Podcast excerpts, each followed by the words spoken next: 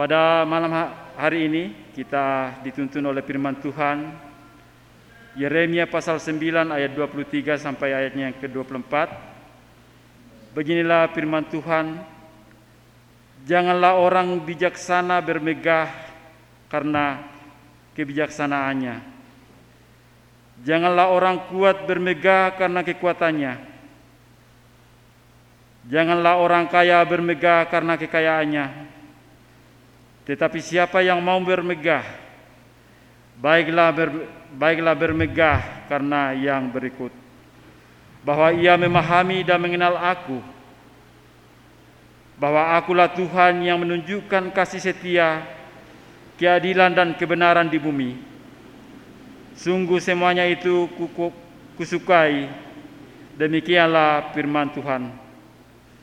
Bapak Ibu jemaat Tuhan masih dalam suasana memperingati minggu kebangkitan Tuhan Yesus yang pertama kebangkitan Tuhan Yesus maka sudah seharusnya kita pun bersuka cita dan menaikkan syukur dalam iman dan percaya yang sungguh kepada Allah karena peristiwa kebangkitan dan kemenangan Tuhan Yesus dari kuasa kematian. Dialah Allah yang sudah bangkit bagi kita. Bapak Ibu jemaat Tuhan, ibadah malam ini mengangkat tema bermegah di dalam Tuhan. Sedangkan pembacaan Alkitab yang menjadi pokok perenungan di ibadah pada malam ini terpilih dari 1 Korintus pasal 1 ayat 30 hingga ayatnya yang ke-31. Informasi pelayan dalam ibadah gabungan rayon dan unsur di malam hari ini Pelayan firman akan dipimpin oleh penatua Danya Kawer sedangkan pelayan liturgos akan dilayani oleh Siamas Albert Mendila. Jemaat Tuhan, kita hendak bernyanyi memuji dan memuliakan nama Tuhan. Karena itu kami menjemput jemaat berdiri serta memuji nama Tuhan. Dan mari kita bernyanyi dan memuliakan nama Tuhan dari nyanyian rohani nomor 64 ayatnya yang pertama dan ayatnya yang ketiga.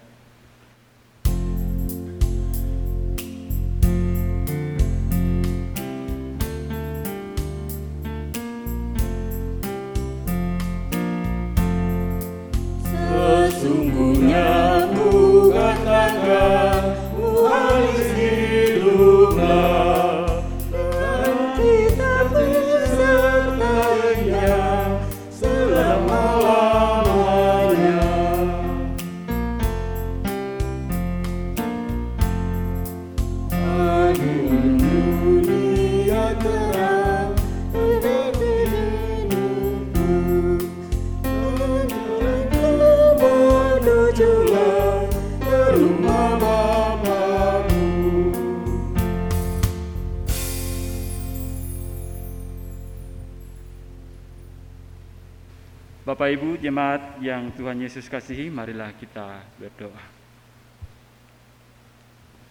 Ya Allah Tuhan yang berkuasa atas langit dan bumi, kami bersyukur atas anugerah, kasih dan rahmat yang kami terima dari Tuhan.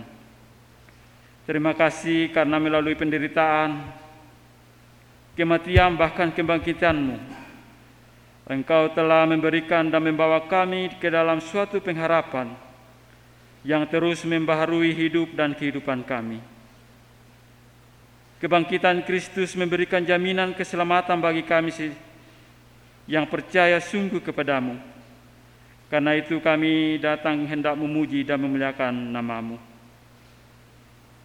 Ya Tuhan, kami hendak beribadah kepadamu, maka dengan hati penuh syukur kami berdoa, ampunilah segala salah dan dosa kami, serta layakkanlah kami beribadah kepadamu. Ya Allah, kami berdoa serta mengalaskan ibadah kami hanya di dalam nama Bapa, Anak, dan Roh Kudus. Amin. Jemaat silakan duduk.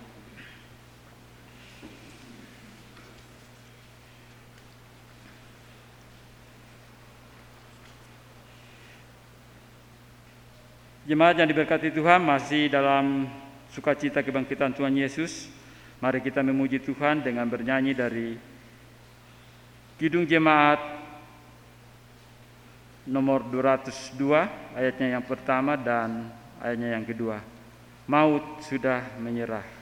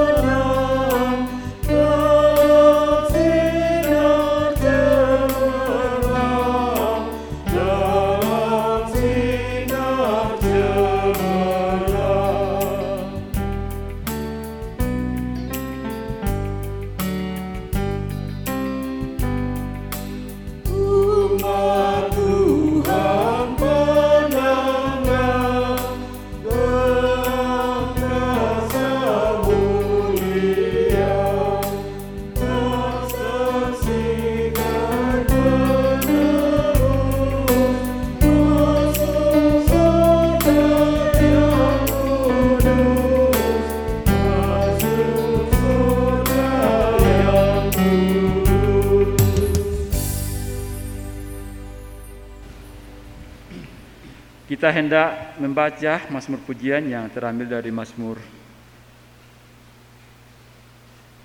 34 ayatnya yang pertama sampai ayatnya yang ke-10.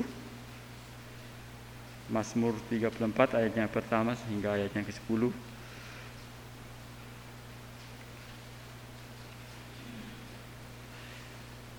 Bapak Ibu serta anak-anak yang diberkati Tuhan, apabila sudah menemukannya mari kita baca secara bersama-sama.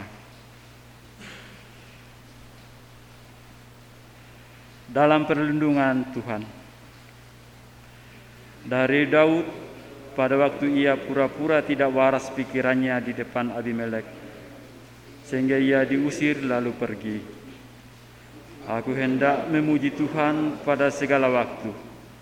Pujilah pujian kepadanya tetap di dalam mulutku.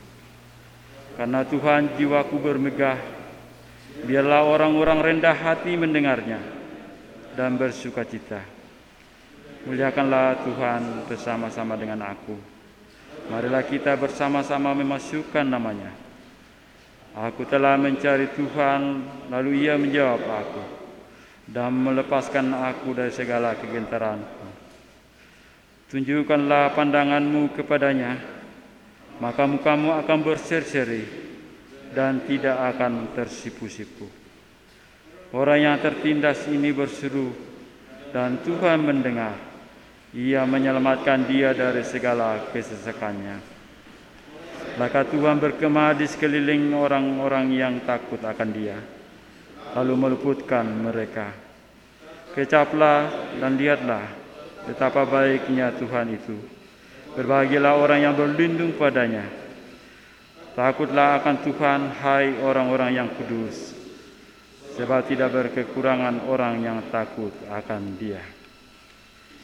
Demikianlah Mazmur puji-pujian kita pada malam hari ini. Kiranya memberikan kekuatan bagi seluruh jemaat. Segala kemuliaan hanyalah bagi Tuhan. Jemaat Tuhan, marilah kita memuji Tuhan dengan bernyanyi dari Kidung Jemaat nomor 194 ayatnya yang pertama dan ayatnya yang kedua. Dikau yang bangkit maha mulia.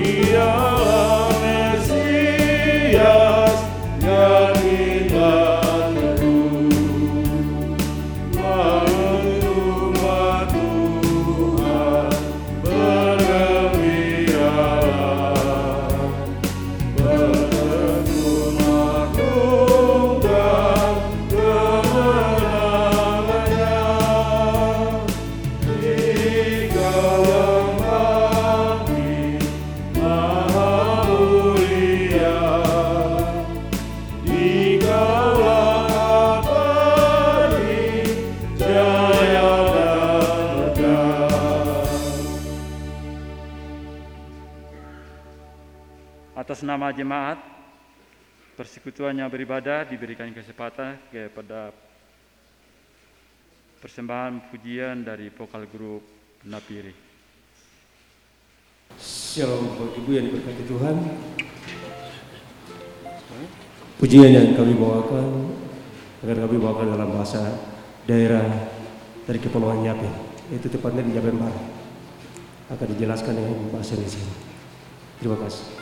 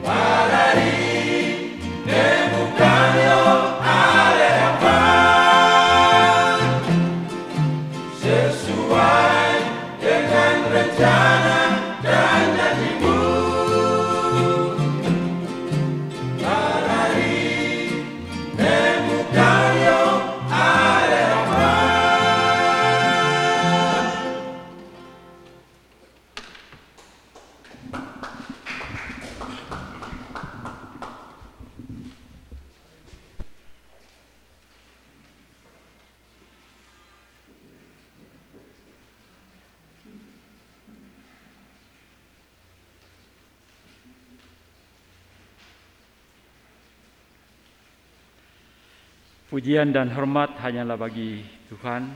Teruslah memuji dan memuliakan Tuhan. Tuhan memberkati.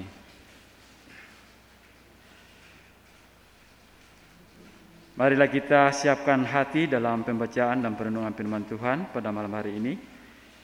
Adapun tema perenungan kita bermegah di dalam Tuhan. Bacaan Alkitab dari pertama Korintus pasal 1 ayat 30 hingga ayatnya yang ke-31. Pertama Korintus pasal 1 ayat 30 sampai ayatnya yang ke-31. Sebelum membaca dan merenungkan firman Tuhan, marilah kita mohon pertolongan di dalam doa. Kita berdoa. Ya Allah, Bapa di dalam surga, kami hendak membaca dan merenungkan firman-Mu kami sangat terbatas untuk mengerti dan bahkan menjabarkan makna firman-Mu dalam kehidupan kami. Karena itu kami memohon pertolongan kuasamu dan memberkati kami. Memberkati hambamu yang hendak memberitakan firman-Mu. Sertailah kami dengan kasih dan kuasamu.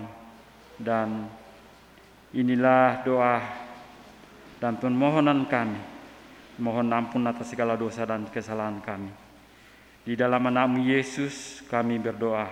Amin.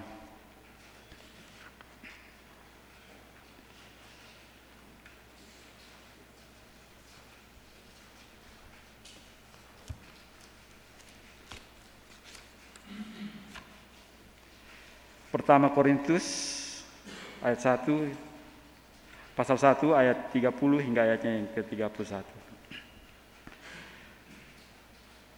Hikmat Allah dan hikmat manusia. Tetapi oleh Dia kamu berada dalam Kristus Yesus, yang oleh Allah telah menjadi hikmat bagi kita. Ia membenarkan dan menguduskan dan menebus kita. Karena itu seperti ada tertulis Barang siapa yang bermegah, hendaklah ia bermegah di dalam Tuhan. Sampai di sinilah pembacaan firman Tuhan. Berbahagialah segala orang yang mendengar firman Allah serta memelihara dan melakukannya di setiap saat dengan penuh sukacita. Amin.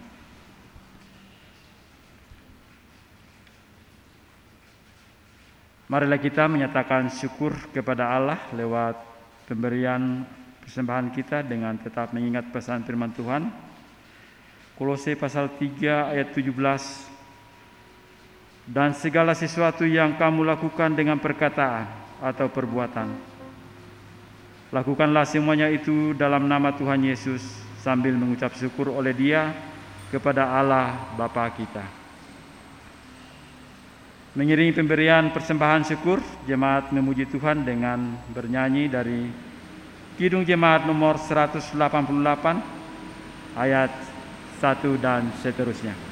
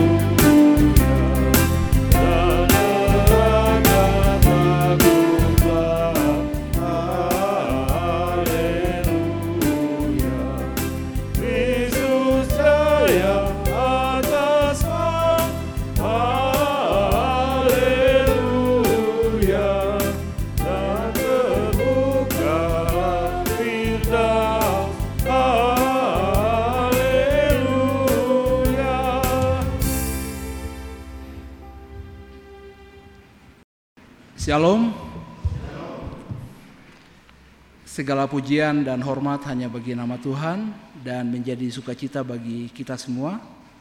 Ketika kita boleh ada sampai dengan saat malam hari ini ketika kita boleh menjalani seluruh perjalanan kehidupan kita hendaklah kita mengangkat segala pujian syukur dan hormat hanya untuk nama Tuhan. Karena itulah yang harus kita lakukan kalau tadi kita dengar lagu Yesus Jurumudi, kadang-kadang kita anggap sepele saja. Kita ini jalan, ya sudah jalan dari sini sampai di tempat kerja biasa, atau ketika kita cuti biasa, tetapi ketika kita coba menggali lebih dalam dan coba mengingat-ingat kasih Tuhan, kita akan dapat melihat bagaimana kasih sayang Tuhan yang begitu besar di dalam seluruh kehidupan kita.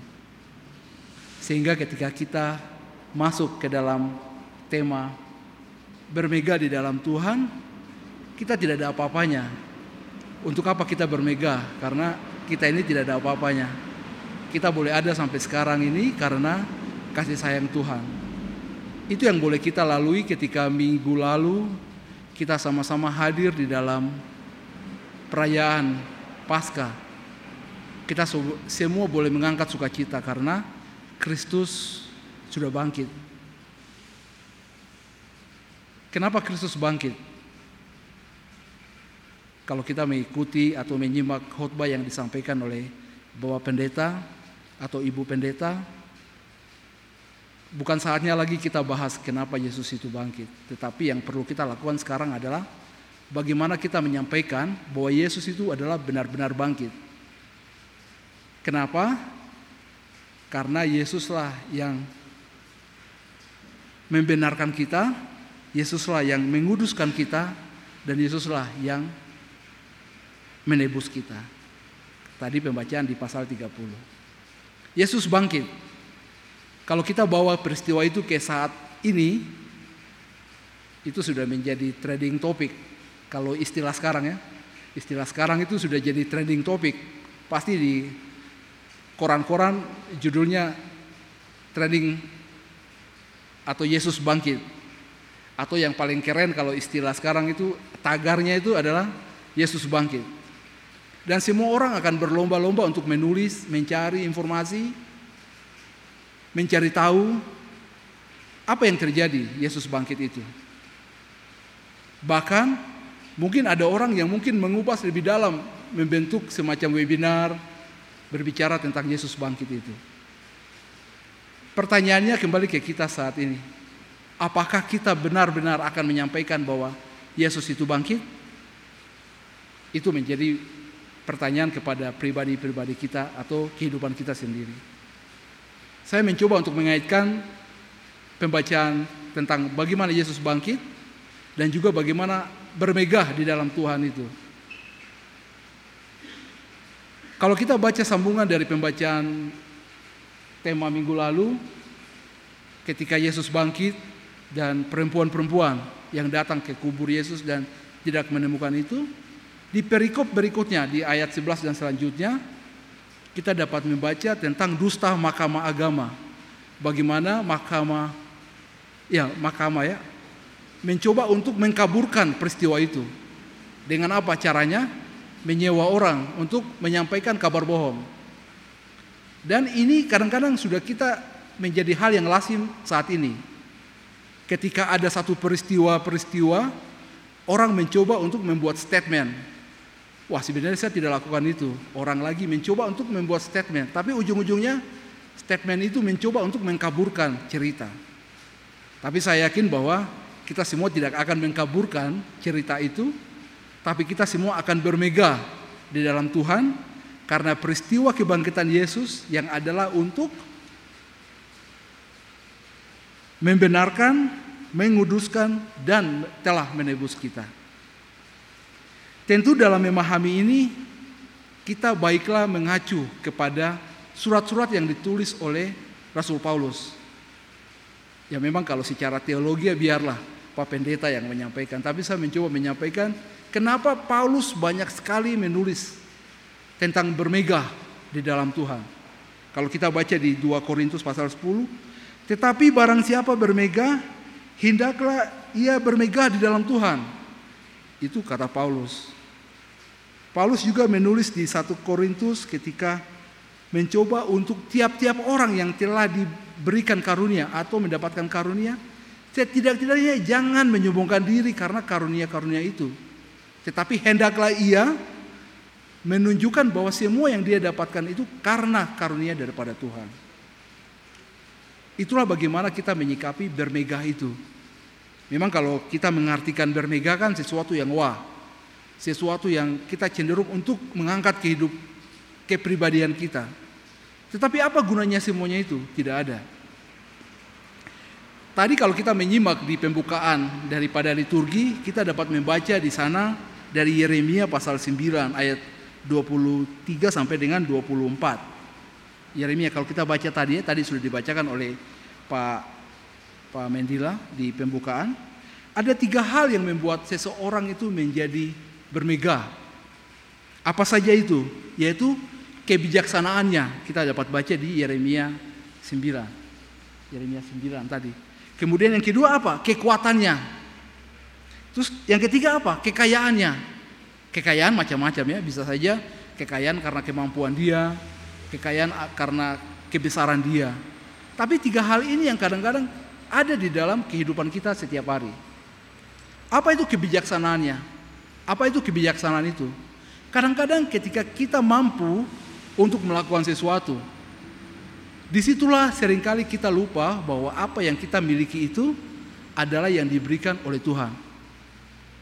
Seringkali ketika kita mampu untuk memimpin sesuatu atau menduduki sesuatu, apabila kita menjadi seorang presenter yang hebat, apabila kita menjadi seorang pembicara yang hebat, sering kali kita cuma mengutip bahwa kata si A, dia mempunyai komitmen bahwa dia telah melakukan banyak hal. Tapi di situlah kita lupa bahwa semua yang dia dapat, semua yang dia lakukan itu karena kasih sayang daripada Tuhan. Itu yang pertama. Yang kedua adalah ketika kekuatan kita sudah kita angkat nih. Saya pernah baca orang terkaya di di, di dunia ya, dia mencoba untuk mencari semua orang dokter yang hebat, bagaimana supaya dia tidak bisa mati. Ya sampai sekarang ini dia masih hidup, betul. Tapi di situlah dapat dilihat bagaimana dia mencoba untuk apa sih hidup ini dengan segala kekayaannya, dengan kemampuannya, dia mencoba untuk membuat orang-orang itu menjaga kehidupan dia. Mungkin dia rasa panas sedikit, sudah ada dokter yang menjaga. Ketika dia mungkin makannya lebih sedikit, sudah ada ahli gizi yang mengaturnya. Ketika dia merasa tidak fit, mungkin sudah ada uh, terapis yang membantu dia. Tetapi dari situ dapat dilihat bagaimana bagaimana dengan segala yang dia punya, dia menjadi melupakan Tuhan itu sendiri. Kalau kita suka mendengar atau mengikuti uh, podcast-podcast dari orang-orang yang terkenal, yang punya follower banyak sekali. Mereka suka mengundang orang-orang yang hebat-hebat. Tapi ketika kita coba ikuti, kita sepertinya akan hanyut, hanyut terbawa dengan kehebatan daripada orang itu.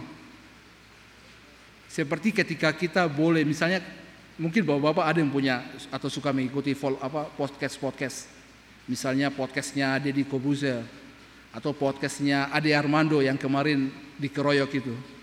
Dia suka menyampaikan hal-hal dan akan membuat kita lupa bahwa semua pencapaian dia itu karena kasih sayang Tuhan. Itu yang kedua. Yang ketiga adalah tentang kekayaan. Kekayaan macam-macam ya. Kekayaan ilmu pengetahuan kekayaan materi kekayaan karena mempunyai orang pengikut yang banyak. Di situ kadang-kadang dia sampai lupa. Ketiga hal ini yang dapat kita baca di sejarah di perjanjian lama di Daniel ketika raja kita baca di Daniel pasal 4. Kita baca di Daniel pasal 4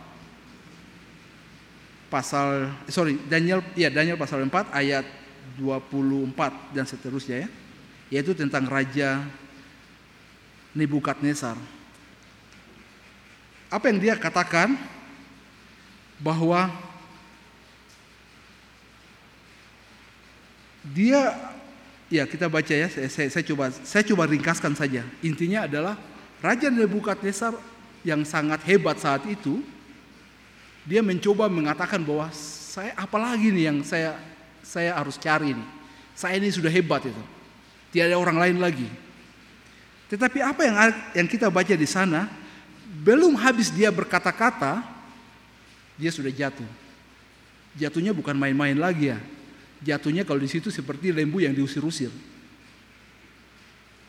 kita dapat melihat bagaimana seseorang yang hebat sekali, tapi ketika Tuhan berkehendak atas dia, dia tidak ada apa-apanya. Ketika dia mencoba bermegah dengan apa yang dia punya, apa yang dia dapat? Tidak ada. Bahkan dikatakan di situ seperti lembu yang diusir-usir di padang. Tidak ada apa-apanya. Bagaimana dengan kita saat ini? Apakah kita boleh bermegah? Apakah kita boleh membanggakan diri kita? Bisa jadi iya. Karena dalam teori-teori ataupun dalam praktek-praktek apa namanya memvisualisasikan diri itu perlu. Tetapi Paulus katakan bahwa semua itu ada batasnya. Kita tidak semerta-merta membanggakan diri seolah-olah lebih daripada Tuhan yang harus kita megahkan dalam kehidupan kita. Apa yang harus kita lakukan ketika kita harus ber, bermega? Kalau kita baca di di satu Korintus ini, surat ini ditulis kepada orang-orang kudus. Kepada jemaat Allah di Korintus, yaitu mereka yang dikuduskan dalam Kristus Yesus dan yang dipanggil menjadi orang-orang kudus. Ini adalah surat yang ditulis oleh Rasul Paulus kepada jemaat di Korintus kalau kita baca di pembukaan di salam.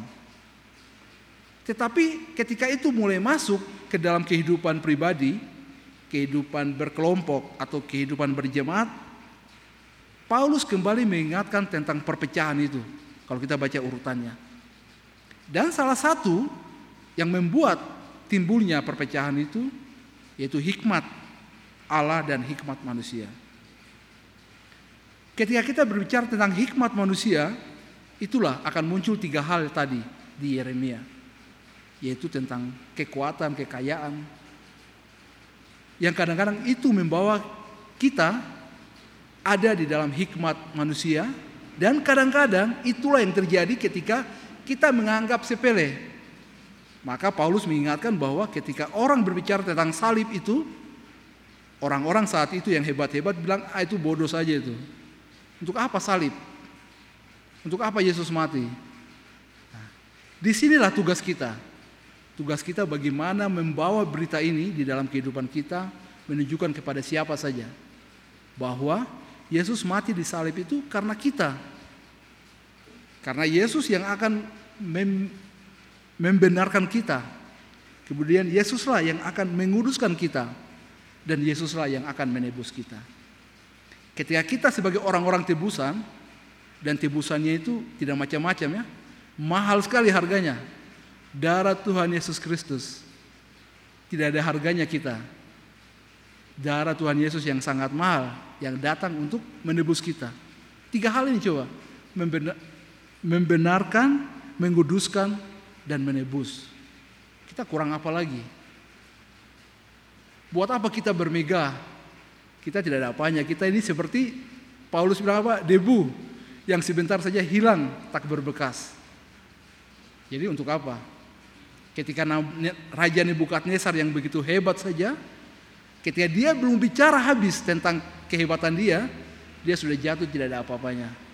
Apalagi kita. Mari inilah menjadi tugas kita semua. Bagaimana kita mewartakan kasih sayang Tuhan yang begitu besar yang menebus kita dengan darahnya yang sangat mahal itu. Saya kutip dari Galatia pasal 6 ayat 14.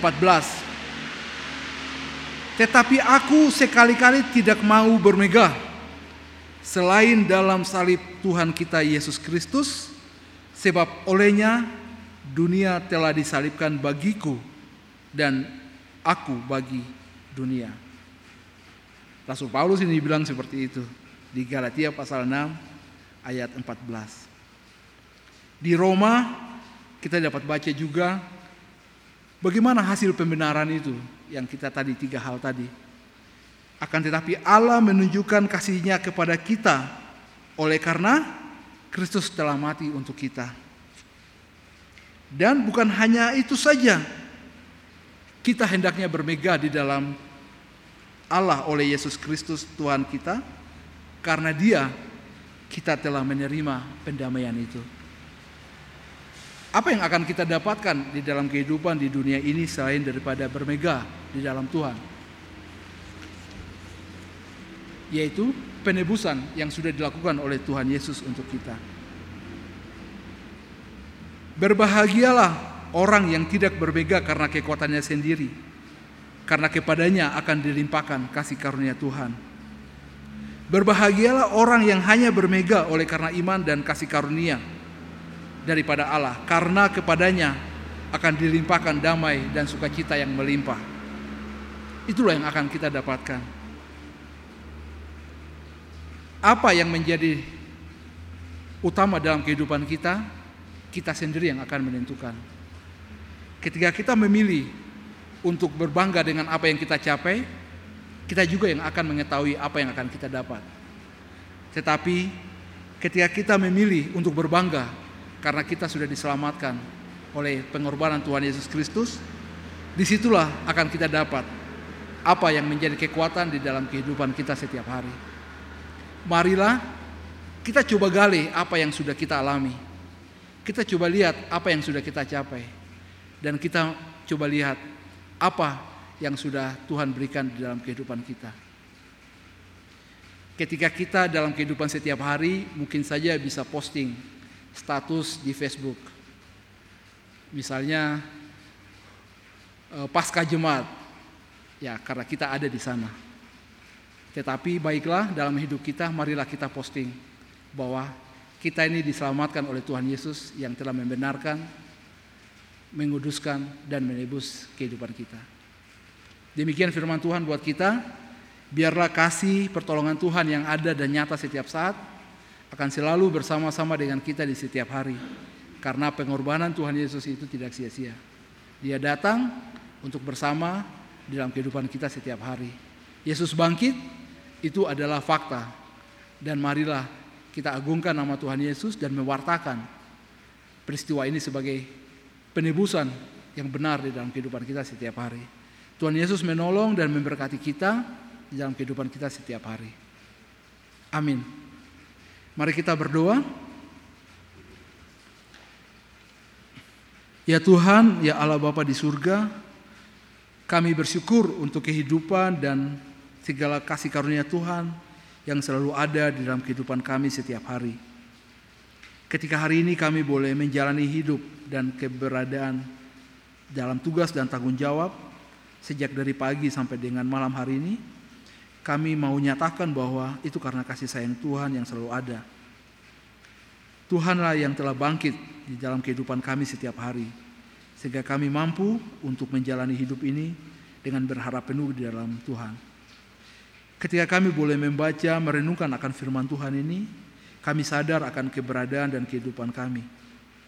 Untuk itu kami memohon ya Tuhan, berilah kepada kami hidup yang berpengharapan penuh hanya di dalam Tuhan.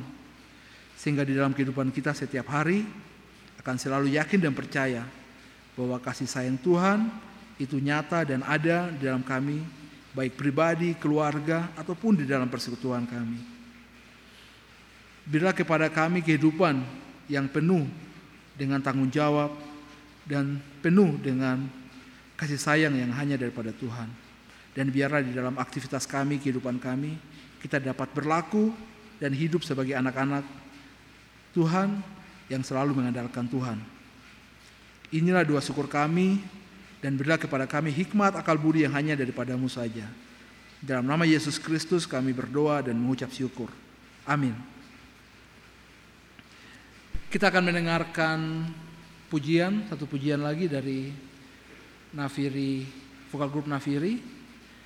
Dan setelah puji-pujian, kita akan masuk dalam dua syafat yang akan dipimpin oleh Bapak Pendeta Rocky Taime yang akan dilanjutkan sampai dengan uh, berkat. Kita mendengarkan puji-pujian oleh vokal grup Nafiri.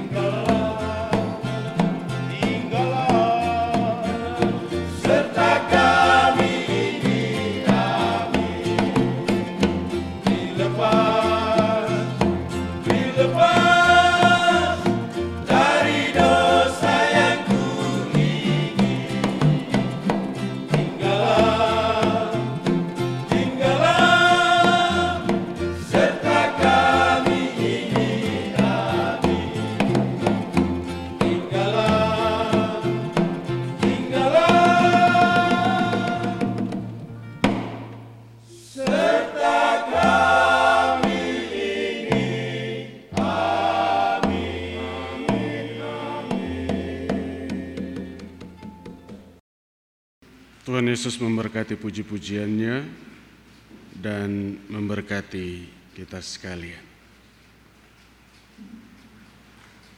Bermegah di dalam Tuhan menurut Rasul Paulus kepada jemaat di Korintus, yaitu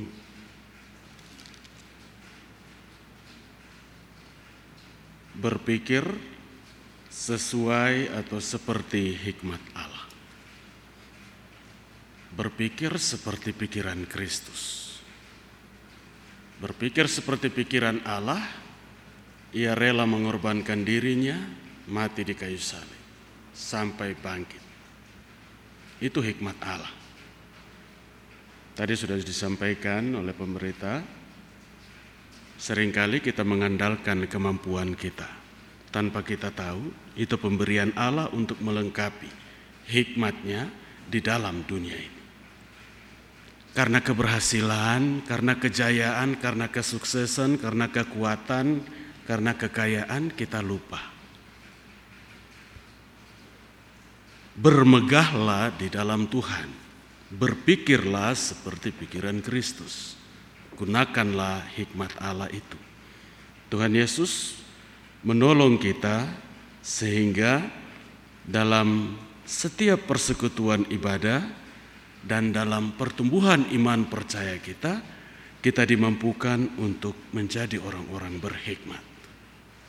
Mari kita berdoa. Allah Bapa di dalam kerajaan surga, Tuhan yang kami puji dan kami permuliakan. Hanya di dalam nama putra tunggalmu, Yesus Kristus. Bersama dengan seluruh orang-orang percaya ini, di hari ini, kami boleh datang bersekutu, memuji dan membesarkan nama, serta menyatakan syukur dan sukacita kami. Tilik dan lawatlah kami ya Tuhan. Kami sekalian yang menyediakan waktu-waktu kehidupan kami dari tengah-tengah kerja dan seluruh kesibukan kami. Kami membawa diri ini, kami membawa kehidupan kami untuk datang bersekutu dengan seluruh orang-orang percaya. Berkenanlah Tuhan menerima ibadah dan sembah kami serta tanda syukur dan sukacita kami dalam ibadah rayon dan unsur jemaat ini. Dalam pertemuan-pertemuan ibadah kami di hari ini, Bapa di sorga, kami diberikan waktu dan kesempatan untuk memuji, membesarkan nama, karena kasih dan kemurahan, berkat-berkatmu, terus nyata dalam kehidupan kami sehingga kami boleh menjalani seluruh aktivitas kehidupan dan pekerjaan-pekerjaan kami dalam keadaan yang sehat walafiat dan tidak kekurangan suatu apa pun. Berkat-berkat jasmani pun cukup dalam kehidupan kami. Karena itu Bapa di sorga, jangan biarkan kami jauh dari persekutuan bersama jemaat Tuhan, Jangan biarkan kami jauh daripada persekutuan dengan orang-orang percaya. Didik dan ajar kami bagaimana kami harus menjalani kehidupan sebagai orang-orang yang mengaku percaya kepada Yesus Kristus. Kami terus membawa diri dan kehidupan ini untuk dibentuk dan dibina di dalam persekutuan bersama dengan orang-orang kudus di luar daripadamu Bapa di surga adalah kefanaan, kesia-siaan, usaha menjaring angin di bawah matahari ini. Dan kami pun tidak menghendaki kehidupan yang demikian. Bersama-sama dengan orang-orang kudusmu, bersama dengan seluruh warga jemaat yang menaruh harap dan percayanya kepada di hari ini kami memuji membesarkan namamu baik melalui puji-pujian secara liturgis maupun puji-pujian yang disampaikan, yang diwartakan oleh vokal group di hari ini. Bapa di surga, biarlah melalui pujian dan penyembahan kami, namamu terus kami puji dan kami permuliakan dalam kehidupan bersama jemaatmu.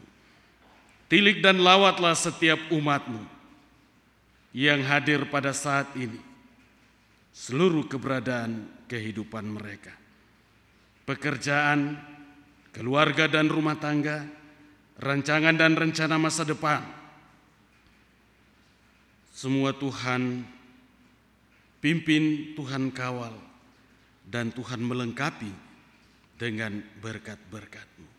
Agar jangan lagi ada pikiran-pikiran bahwa Menyembah Tuhan di dalam suatu persekutuan bersama jemaatnya adalah suatu kesia-siaan. Tetapi karena kasih dan kemurahan itu, Tuhan nyatakan dalam kehidupan setiap kami.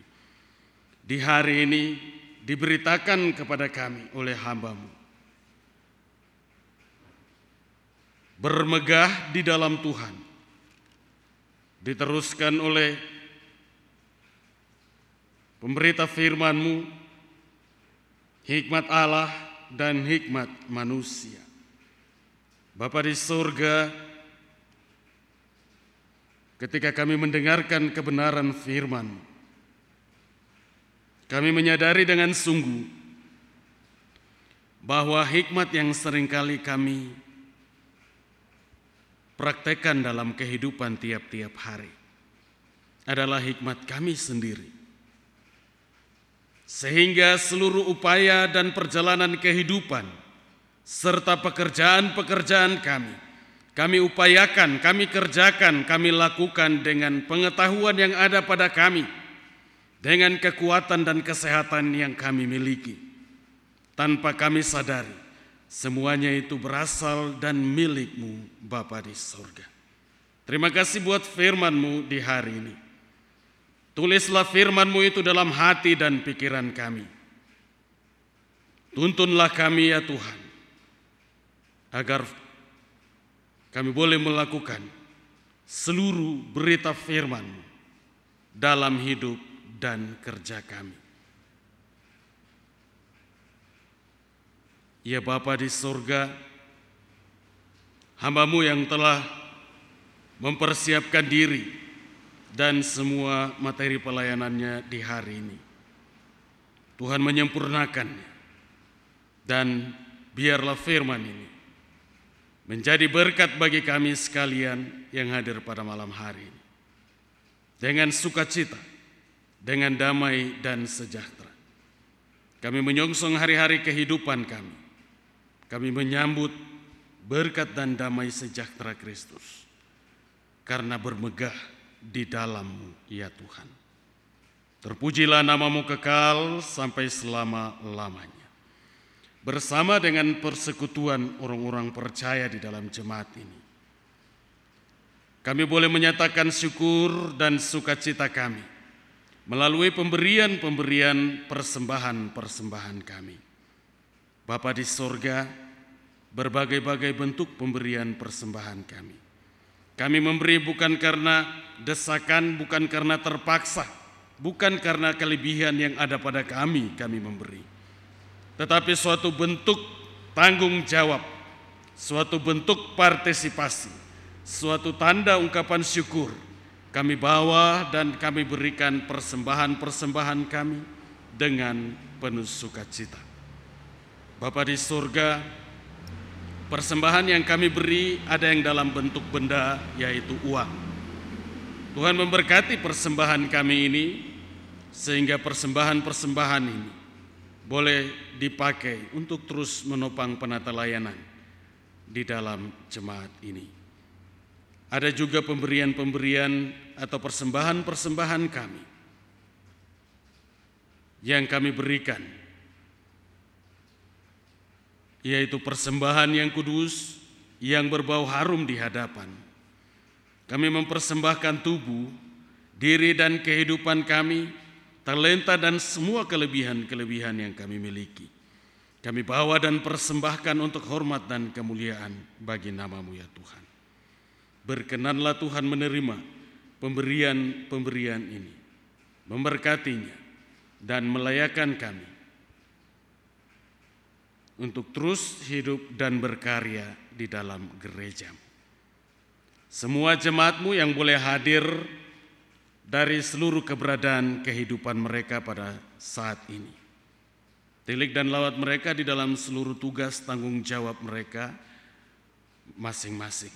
Baik sebagai suami, baik sebagai istri, baik sebagai pemuda-pemudi, anak-anak dalam seluruh tugas dan tanggung jawab mereka masing-masing. Sebagai seorang suami, dipercayakan tugas dan jabatan imam, nabi, dan raja di dalam keluarga dan rumah tangganya. Bapa di surga, pimpin dan sertai hamba-hambamu ini, agar di dalam pelaksanaan seluruh fungsi tugas dan tanggung jawabnya, ia boleh melakukannya dengan setia dan taat. Sehingga ia terus menjadi saluran berkat Allah bagi kehidupan seisi rumahnya, bagi kehidupan di tempat kerjanya, bagi kehidupan di mana pun mereka berada.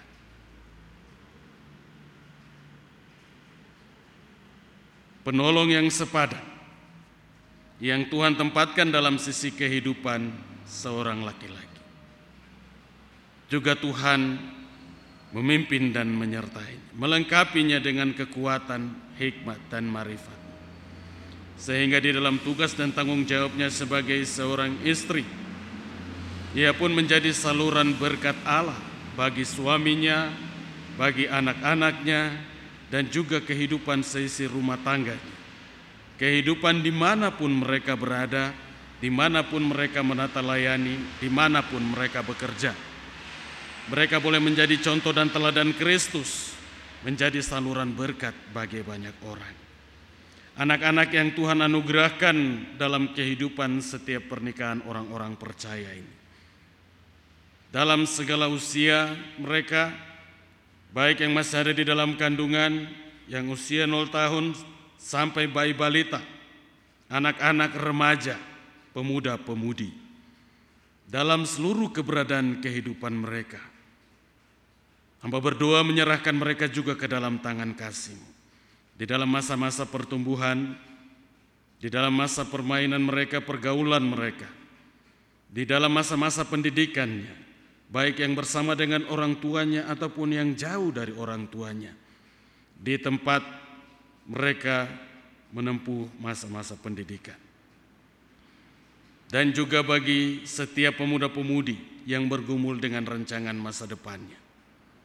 Bapa di surga tilik dan lawat mereka, sertailah mereka senantiasa.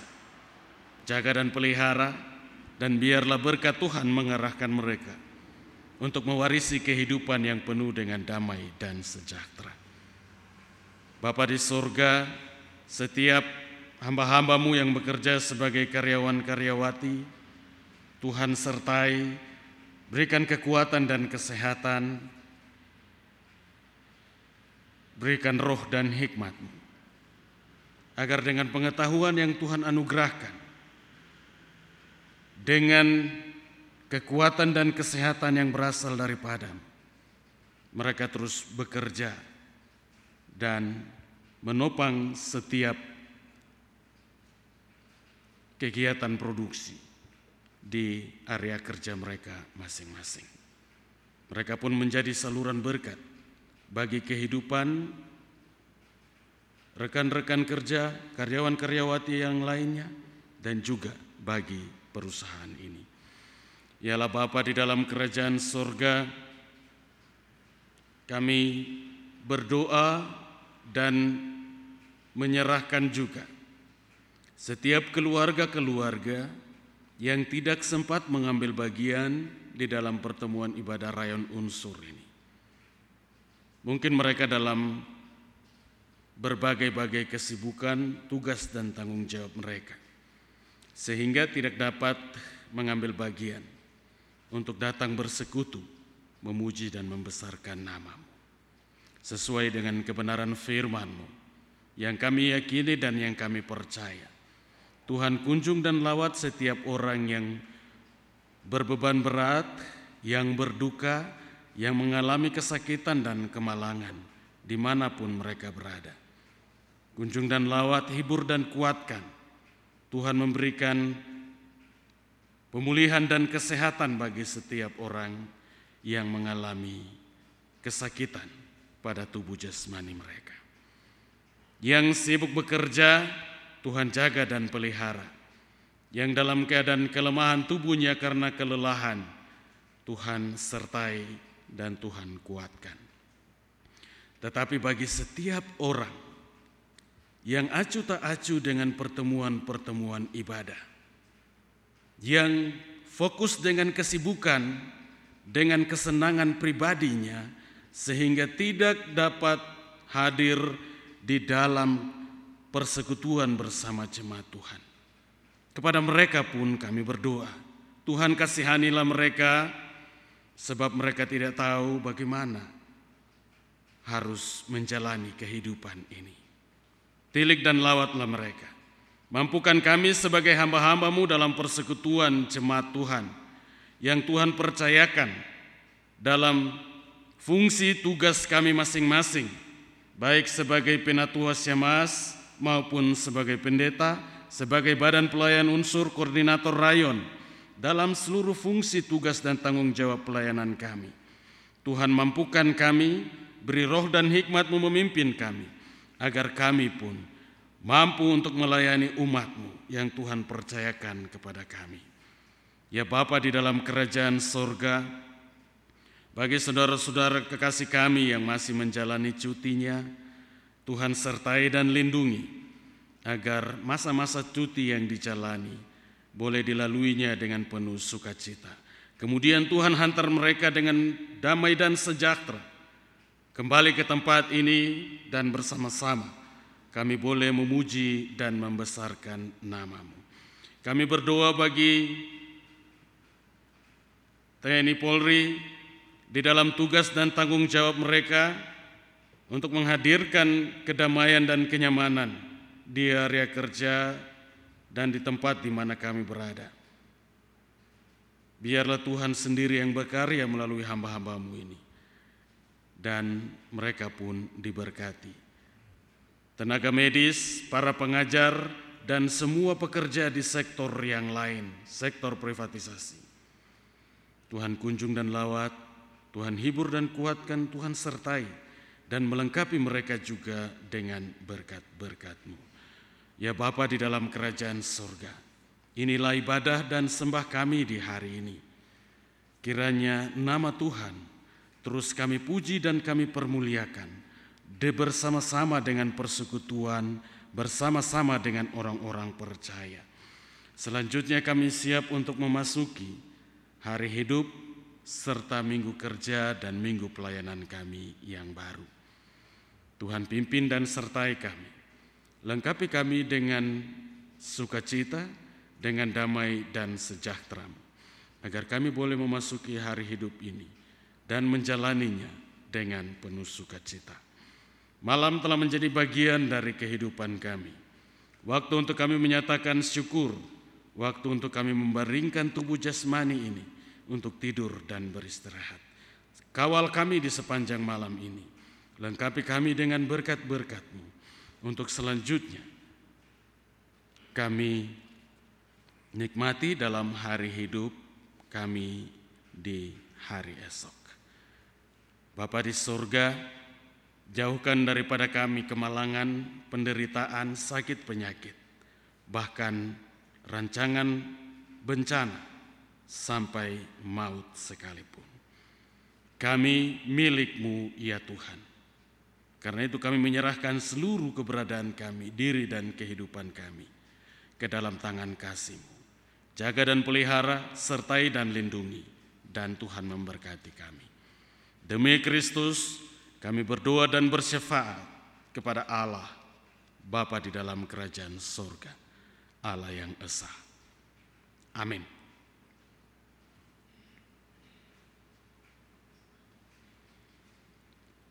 Bapak Ibu Saudara, jemaat Tuhan, kita hendak menutup ibadah serta undur dari hadapan Allah dan selanjutnya masuk ke dalam kehidupan kita tiap-tiap hari. Kita percaya bahwa Tuhan selalu menyertai dalam setiap jalan dan langkah kehidupan kita.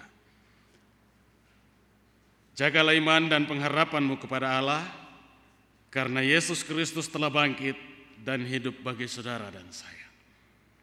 Mari kita memuji Tuhan dengan menyanyi dari nyanyian Kidung Jemaat nomor 402. Ayat 1 sementara duduk, ayatnya yang kedua akan kita lakukan setelah berkat Tuhan. Sekali lagi ayat 1 dalam keadaan berdiri dan ayatnya yang kedua akan kita lakukan setelah menerima berkat Tuhan. Jemaat Tuhan saya silahkan untuk berdiri. Kuperlukan juru selamat.